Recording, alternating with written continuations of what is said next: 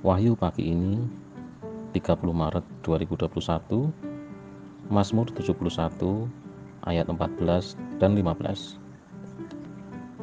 Tetapi aku senantiasa mau berharap dan menambah puji-pujian kepadamu.